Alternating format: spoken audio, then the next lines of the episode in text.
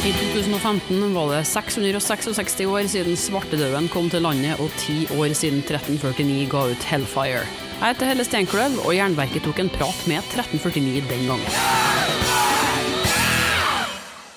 God aften. Dette her er eh, Archaean Panserbatterist Frost er på plass. fra 1349.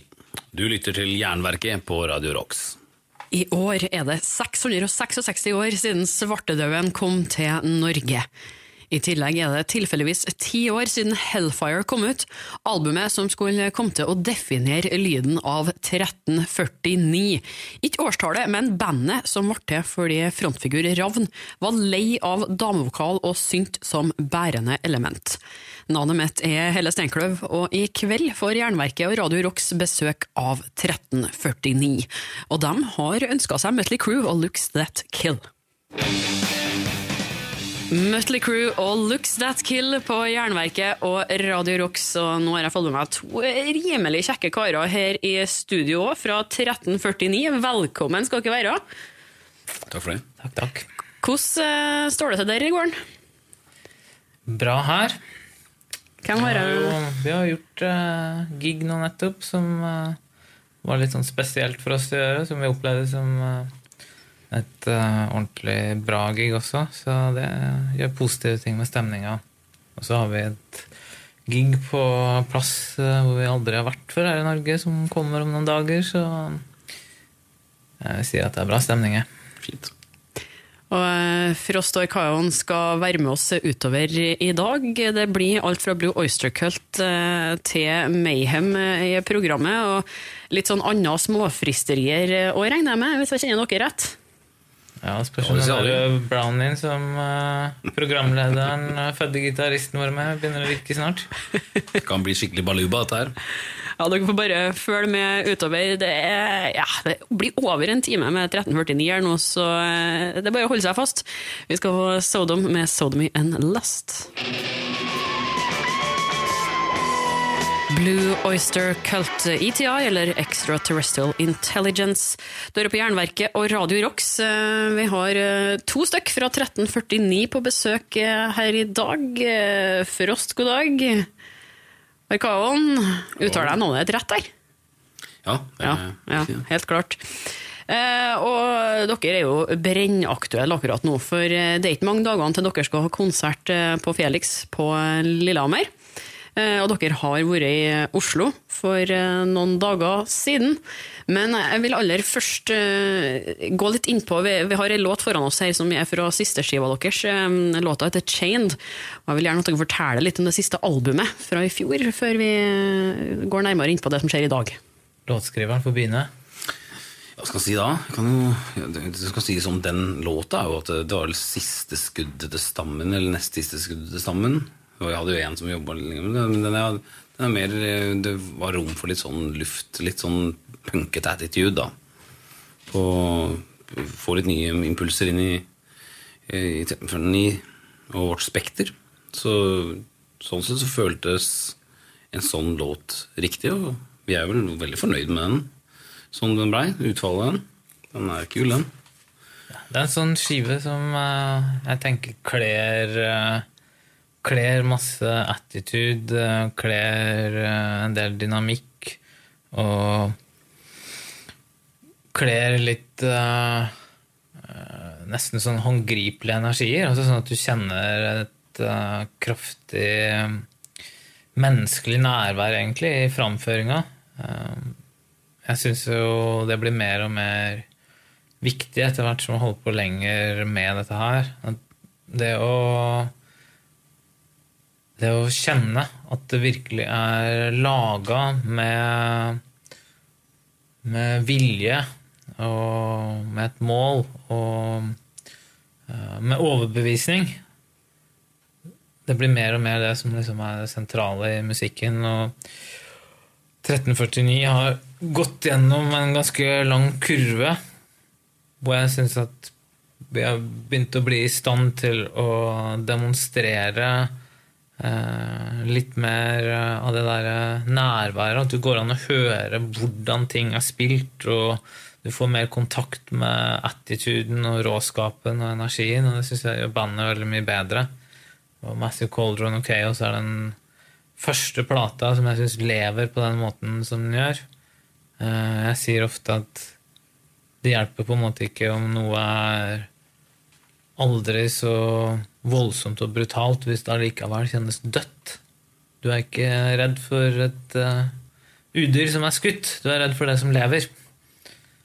Og, og jeg, vil at, eh, at uh, 1349 skal kjennes uh, litt eh, farlig. Det ligger liksom i navnet at, at eh, det er, eh, det er en kraft der. Det er en slags uh, trussel, og det er, et, eh, det er et klart faremoment. Og jeg syns at det har blitt mer reelt med den siste plata. En låt som 'Chained' er et veldig bra eksempel på en som sparker på en litt annen måte enn 1349 har gjort før. Men hele skiva går gjennom en serie ulike momenter hvor det er tidvis veldig trasha, da, men med en litt sånn eh, svart edge. Og andre steder hvor vi har gått litt inn på type musikk som eh, gir klart referanser til 70-tallet. Vi, vi er glad i sånn type musikk, eh, alle i bandet. Eh, Det var jo fra en tid hvor musikken virkelig, virkelig var i live, og det kosta utrolig mye å, å få musikken til å liksom virkelig vibrere av råskap. Men da klarte vi å gjøre sånne ting på 70-tallet også, men innenfor en annen musikkstil. Så et par av valgene våre i dag viser jo sikkert eh, litt vår smak også, når det, når det kommer til det. Men Ja. jeg syns ikke du også det, Ida, at det er liksom Det er kanskje litt den historien Massive Cauldron forteller. At, eh, at vi har begynt å få litt av det livet inn i 1349. Og det er vel litt sånn vi, vi ser for oss at kursen videre skal være òg. At eh, vi bygger på det. Det er definitivt. Det er en veldig riktig beskrivelse sånn, som du legger fram, som, er, som jeg føler er unisont. Noe vi deler kollektivt i bandet. Og, og inspirasjonskilder musikalsk òg. Det er veldig mye sånn at den, den delen av sirkelen som på en måte, om ikke slutta, så iallfall har Det er en modningsprosess hvor vi egentlig har møttes mer og naturlig, på en naturlig måte. da.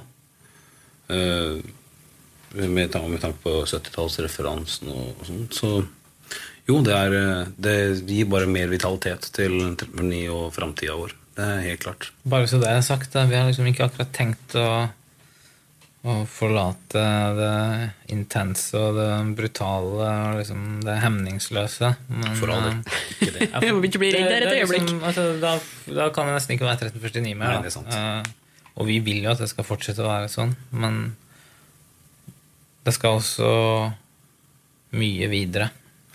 Det er et poeng i å, å- være trofast til, til sjangeren til en viss grad, og det mener jeg også. Jeg synes, man skal forlate, kaste det på baugen. Det er mange band som har gjort, og, det er veldig feil. Eh, jeg ønsker heller at f.eks. Massive Cauldron of Chaos skal heller kunne stå side om side med en plate som The Mysteries Doms Atamas. Det er, det er en stor ambisjon. Da får man heller eh, starte et eh, 70-talls rockeband ved siden av, da, hvis en Ja, eh, man skal regne spikken og reinspikke noe sånt nå, så måtte man jo gjort sånne prosjekter hvis det hadde vært en sånn, men det er ikke det vi gjør. Men da syns jeg egentlig at vi bare må høre den her chain der òg, for eh, her er det bygga opp eh, spenning, altså. 1349 med låta 'Chained'. Du hørte den her på Jernverket og Radio Rocks. Vi har eh, 1349 i studio her i dag, i hvert fall representert av to stykker.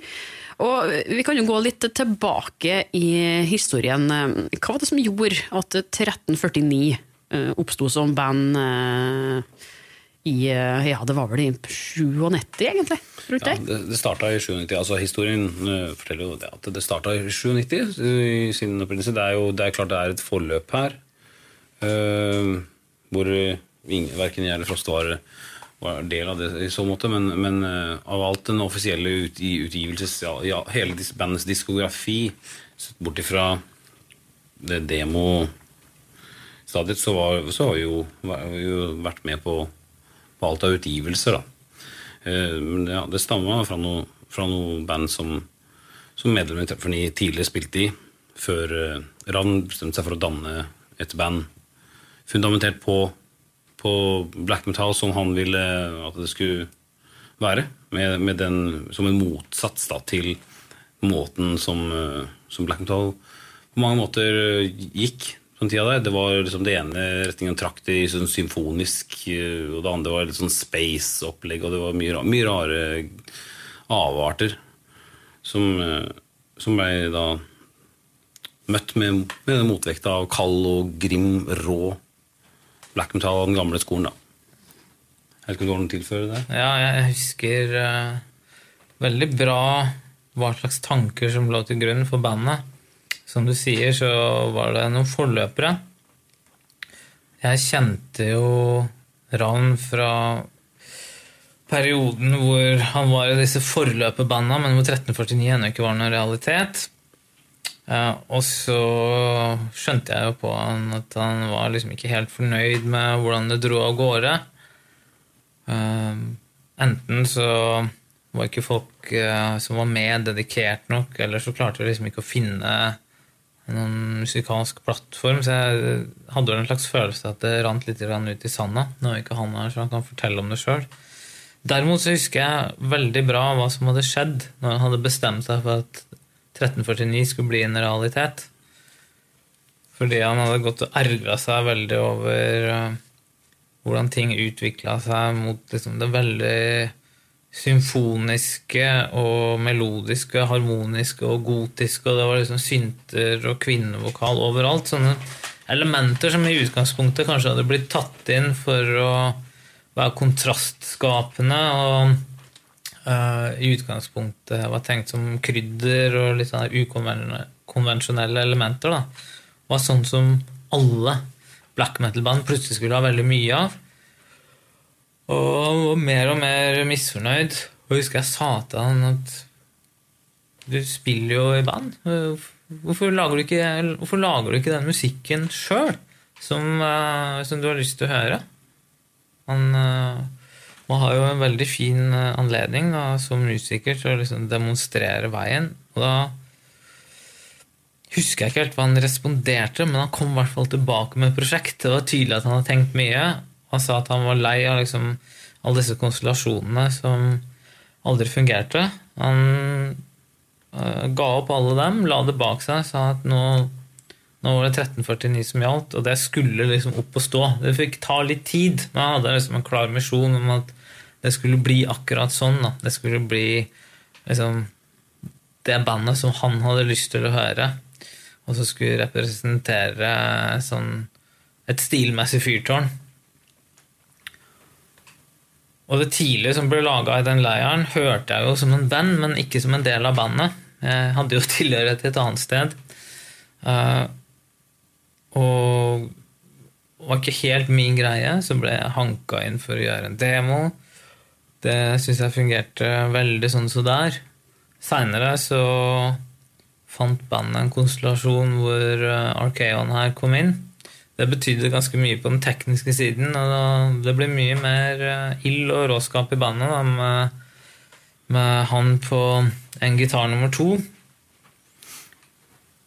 Og når bandet hadde funnet den grunnkonstellasjonen hvor Ravn fremdeles spilte trommer ennå,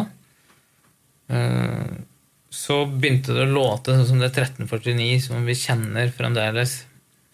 Så jeg føler at linja starter der. Jeg hørte ting det bandet lagde, og følte at det var sånn, sånn musikk som jeg kanskje hadde lyst til å lage sjøl, hvis jeg hadde vært, vært låtskriver og, og, en, og, en, habil gitarist som liksom kunne lage mitt eget prosjekt, så hadde, hadde jeg lagd det på den måten der, tenkte jeg. Så da lanserte jeg meg sjøl som mulig medlem, og da sier man at resten er historie, sånn cirka. det er jo for så vidt det. Ja, det, det, var sånn det sprang Bandet sprang ut av en filosofi. Og den strømningen der er levende i bandet. Men vi som spiller, har jo vokst som musikere og som mennesker, og det skjer litt på noen år. Man skal jo gjennom en evolusjon da, hvis man lever som band. Men jeg kjenner at uh, røttene har vi like bra kontakt med nå som, som den gangen bandet var nytt og på en måte mer en idé enn et fullverdig band på det punktet. Og apropos røtter, så har dere jo plukka ut ei Black Sabbath-låt her òg, 'Sweet Leaf'. Har dere lyst til å si noe kort om eh, den før vi kjører i gang? Det er jo en av mange klassikere så de gudfedrene der. De er jo, de er jo selve kilden. Eh, ja, det er jo nesten ikke mer å si. Det er jo la musikken tale for seg sjøl, det. Det er Jernverket på Radio Rocks. I kveld er det 1349 som plukker låter, så vi fikk Voivod med Overreaction. Og vi har Frost og Archeon her i studio eh, nå. Dere eh, er jo brennaktuelle nå med et par konserter som eh, har blitt og skal bli gjort i Norge i forbindelse med tiårsjubileet til Hellfire-skiva deres og for 666-årsjubileet til Svartedauden. Eh, fortell! Ja, det har, det har med Det er jo som du, som du sa der, det er jo det, er jo den markeringa Muligheten for en markering der, med tanke på svartedauden, og ikke minst ja, det at det er ti år siden den plata som blir holdt veldig høyt av mange, eh, som har gjort det veldig bra av våre utgivelser. Så den kunne godt beværes med med noe, med noe, spesielt. Og i den forbindelse så Og det passet seg bra for oss å spille et Oslo-show. Alt lå til rette for at det her skulle finne sted, og da, da var det en easy match da, for oss å tenke at det, det, var jo noe vi måtte legge litt arbeid i. Og, og, det er vel det man kaller for en no-brainer? Ja, man kaller det sånn. Dere sto ikke der for ti år siden og tenkte at ah, ok, skiva blir fet. Eh, om ti år så er det 666 år siden svartedauden, og vi kaller jo oss tilfeldigvis det, det er eh, klart vi gjorde det. vi som Lilly Bendris. Aha, der har vi sammenkoblinga. Ja. Svart hår og, og sånn. Det skal ikke lenger. Må klare å tenke litt langsiktig og ha litt is i magen og sånn. Nei, men det, det er vel heller sånn at uh, det ville seg liksom på den måten. At uh, tiårsjubileum for plata som uh, Som um, liksom ble selve profilutgivelsen til bandet. I hvert fall den første. Den som liksom brakte 1349 uh, opp blant de bandene som denne, denne sjangeren har blant sine pilarer. Uh, og kanskje den, den plata som, som uh, gjorde det mulig for, for 1349 å ta bandet ut i verden. Og så er det jo også noe med at uh, bandet knyttes til en, en type sånn ildfullhet og en type sound som vi på en måte etablerte med den skiva. Vi har jo videreutvikla den. Vi har tatt det lenger, og spør du meg, gjør vi det enda, enda råere og bedre i dag. Men det var liksom der hvor vi kanskje fant fram til, til uh, mye av bandidentiteten. Og jeg tror mange ser på det som, uh, som en stor hendelse, og det er helt logisk å markere en tiårsdagen for plata. Det er omtrent bare så det kjennes helt riktig at det også er 666 år siden, siden pesten ankom landet det året som vi har tatt navn fra. Sånn, brikkene faller på plass. Da bare vet du at det er som det skal være, det. Det er faktisk helt perfekt. Men eh, i tillegg til Oslo skal dere jo nå spille eh, på Lillehammer, der dere ikke har eh, vært før. Eh, er det noe mer konserter planlagt i forbindelse med dette her? Ikke på den sida av året, men, men det, ja, det er masse, masse, masse mer i, i, i bildet framover for oss. Det er det jo. Vi begir oss ut over grensene vi, nå på nyåret igjen. Starter med å besøke USA igjen. Og Canada-datoer blir det vel inn der, og runder av lav i Mexico. Det er planen, iallfall. Mm. Sånn, som det foreligger nå. Og så skal vi jo spille Blastfest i Bergen. Det er første gang vi gjør. Og til tross for at vi har spilt forløperen, da, med Holy Sky tidligere tre ganger.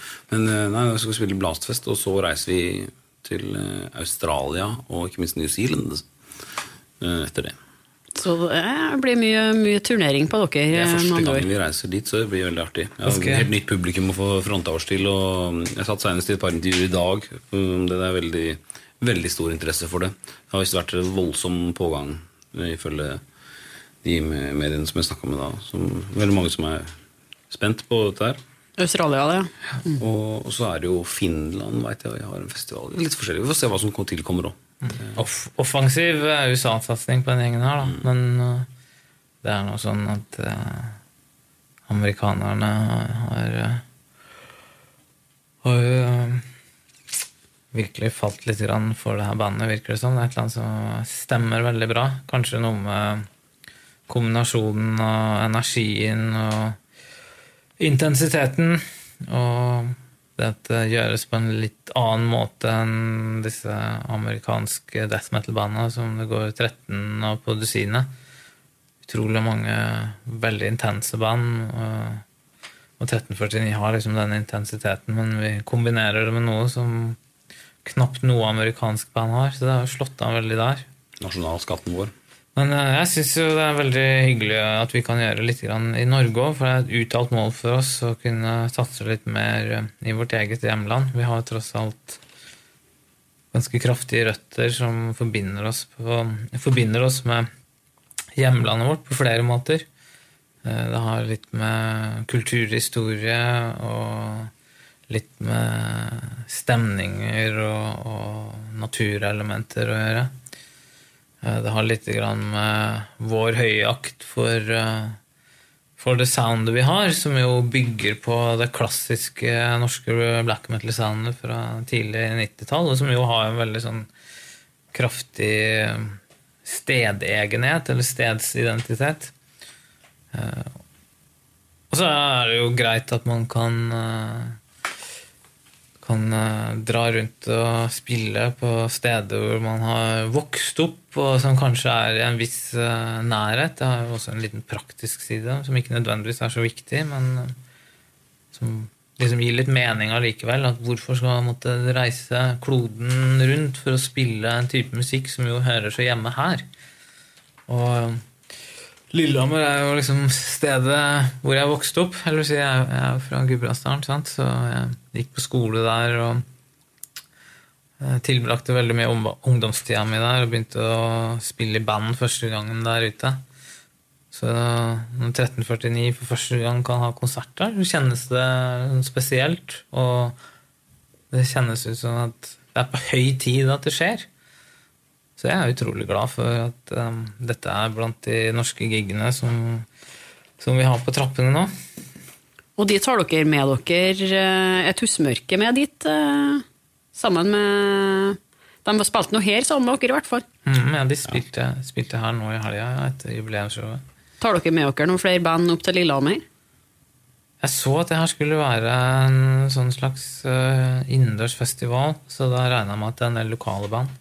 Jeg kjenner ikke nødvendigvis til dem, men uh, jeg får sjekke det ut da, nå som vi er oppover, i og med at det er uh, lokalt for mitt gamle område. Må se hvordan det spirer og gror oppi her. Ja, må det. Ja, jeg vet kjenner ikke til nå disse, disse sportbandene som er det, men det, vi får jo se hva det er for noe. Det er alltid, alltid litt moro å bruke Jeg pleier alltid å prøve å bruke litt tid på å se hva, hva, det, hva de eh, nye spirene gjør. Eller de som varmer opp, ja. Vi skal få litt mer uh, musikk her nå. Dere har plukka ut eh, Serpent Power og Lucifers Dreambox. Uh, si noe om det før vi kjører i gang låta. Ja, jeg tenkte at eh, selv om låta er litt grann på siden av hva som normalt spilles i et hardrock- og metal-program, som jeg regner med at dette her er, så må vi bare ha med den låta. Eh, Det er bra. vi, vi liker jo 70-tallstype musikk, alle vi i 1349, så det er vel ingen som skal ha noen problemer med å stå inne for den, men det er kanskje litt sånn min kjepphest.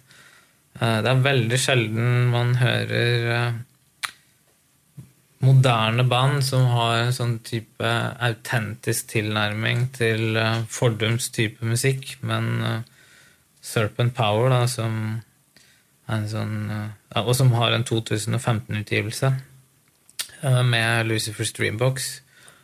Eh, Et band som ledes av en viss Ian Skelly, som har lyktes så til de grader da, med å ha en sånn litt sånn snodig kombinasjon av, eh, av 70-talls uh, type rock. Nesten litt sånn der eh, californisk karakter, tenker jeg når jeg hører på det. Og så er det en sånn liten uh, okkult feeling. Og det låter jo ganske sånn harmonisk og fint, men du kjenner også på en sånn der undertow, som uh, surfgjengen sier. Altså det er en sånn understrøm som er uh, litt ubehagelig og veldig til stede. Uh, elsker, elsker feelingen som er i den låta. Den sklir pent inn blant et par andre andre 70-tallsinnslag vi har valgt her også. Passer perfekt for jernverket òg, om jeg må se det sjøl. Ja, fint at du ser det på den måten. Burde egne seg bra for, eh, for eh, hardrock og metal-folk òg, uansett her, selv om det er på den snille sida.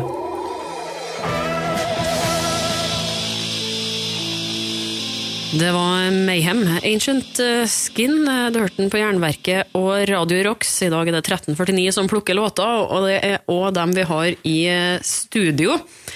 Og nå har det vært mye snakk om eh, fremtidig turnering. Det blir litt konserter i Norge, men òg en god del ut i verden. På tre kontinenter. Fire, faktisk. Men hva annet skjer? Har dere noen planer for nye album? Jeg kan si gang at det er jo Det er jo nøyakt, ja, det er veldig rett over nøyaktig et år siden plata vår ble gitt ut. Ett år og en måned. Uh, og, og det, er, det er ikke noe vi rusher med å, å, å få til da, for sånn, sånn, har det jo aldri vært.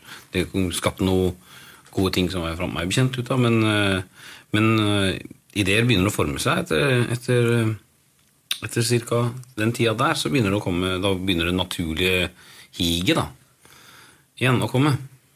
På den måten det er mest fruktbart, føler jeg. Og det Ulike barn fungerer på så ulike måter. Ja. Noen er nødt til å piske seg sjøl i gang for å klare å få noen ting laga, og Andre fungerer best når det er liksom en helt sånn der, naturlig dynamikk.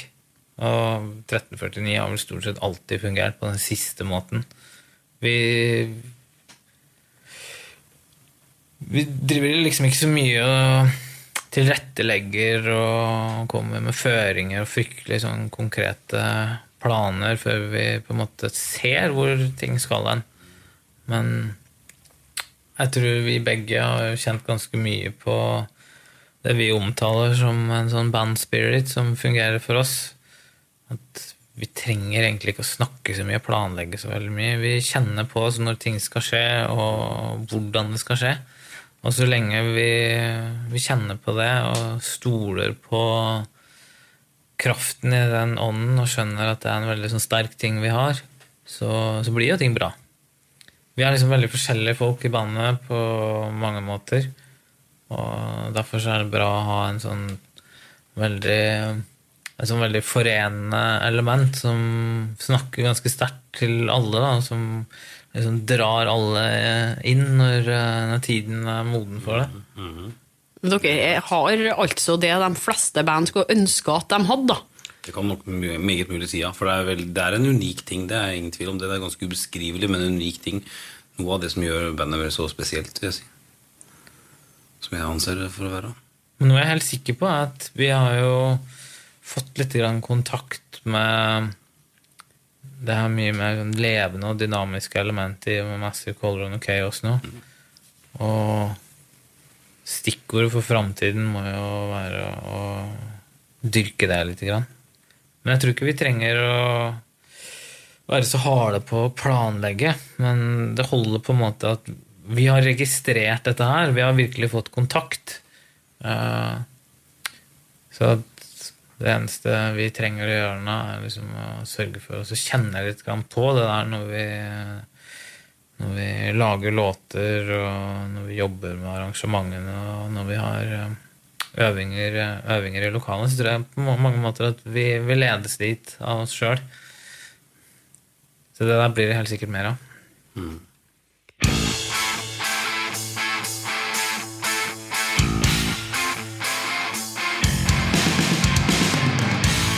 Men jeg vil også gjerne høre om eh, dere har eh, noen gode historier på lager. For eh, når et band er såpass mye ute på turné, så, så må det jo skje andre ting som sveiser dere litt sammen òg, som ikke nødvendigvis bare har med musikken å gjøre.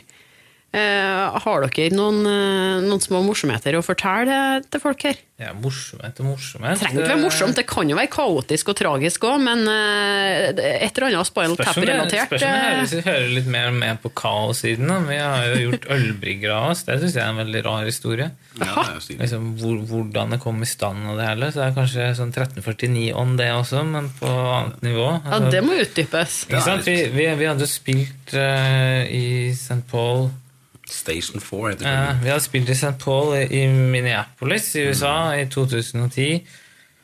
Og tilfeldigvis da, så var det jo sånn at uh, vi skulle vestover etter den konserten. Og det å dra vestover fra, fra indre deler av USA og liksom ut til kysten betyr da sånne voldsomme kjørestrekker, så vi skulle ha kjøredag på bussen. Det vil si ingen spilling. Ellers så har vi stort sett alltid konserter lina opp for hver bide i dag. Og derfor så var det sånn at eh, jeg f.eks. Uh, skulle kose meg med en øl eller to etter gig. Jeg pleier liksom ikke å gjøre det når jeg har konserter eh, dagen etter, fordi jeg trenger å være fysisk skjerpa for å yte det jeg trenger. Og denne dagen så, så var det kjøredag. Derfor så sto jeg ved bardisken eh, sammen med Arkeon her og ordna meg en øl, og så står det en fan som noterer seg at vi eh, plukker fra øvre hylle, da, sånn han ser det. Så han kommer bort, presenterer seg, likte konserten godt, og så er, han en brygger, da. Han har bryggeri i byen.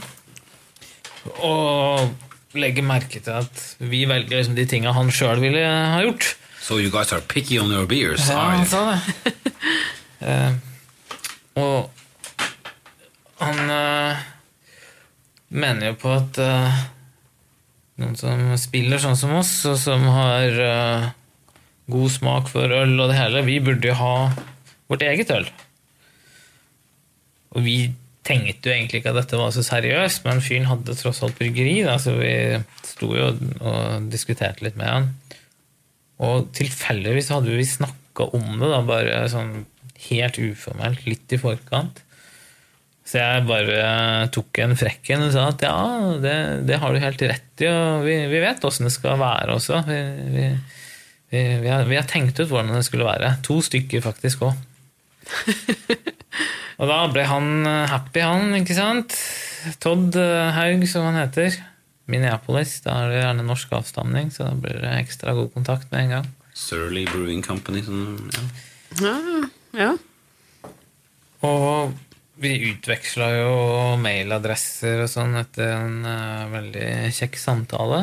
Så vi satte oss på lange reisen vestover med, med litt sånne sørlige effekter, og ingen av oss trodde at vi skulle høre noe fra den gjengen igjen. Men så fikk vi jo mail, da, som var i mailboksen når vi kom hjem fra turen, og da var det tydelig at fyren ville ta dette her på alvor, og, og han ville lage øl for oss han, og sende det til Norge og alt mulig.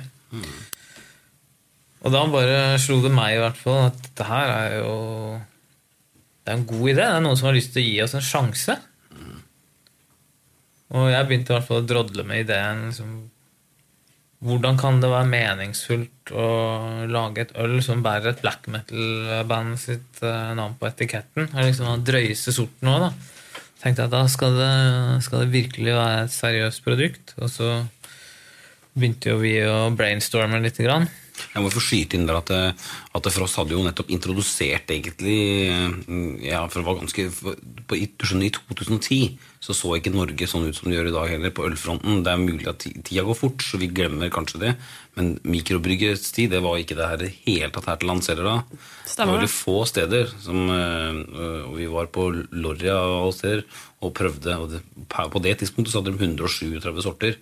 Bare sånn til eh, referanse så har de i dag over 250 sorter. Så det sier litt om proporsjonene, da. Og ja, så kan du få fortsette. med- Komme inn på rett tid, med andre det, ord. det er jo riktig det du sier, da, at det var en helt annen verden. En ting var liksom hvor mye de hadde på Lorry, at det er kanskje dobbelt så mye nå, men kanskje mer viktig at Lorry var omtrent det eneste stedet du kunne gå til å få et større utvalg, selv i Oslo. Så at eh, du fikk liksom ikke IPA-er og stouter og brown aleer på hvert et hjørne, da, som du gjør nå om dagen. Stout er jo fortsatt litt sjeldent, syns jeg, så Det er i hvert fall mindre sjeldent enn det var for eh, for fem-seks år siden, og det er det ingen tvil om.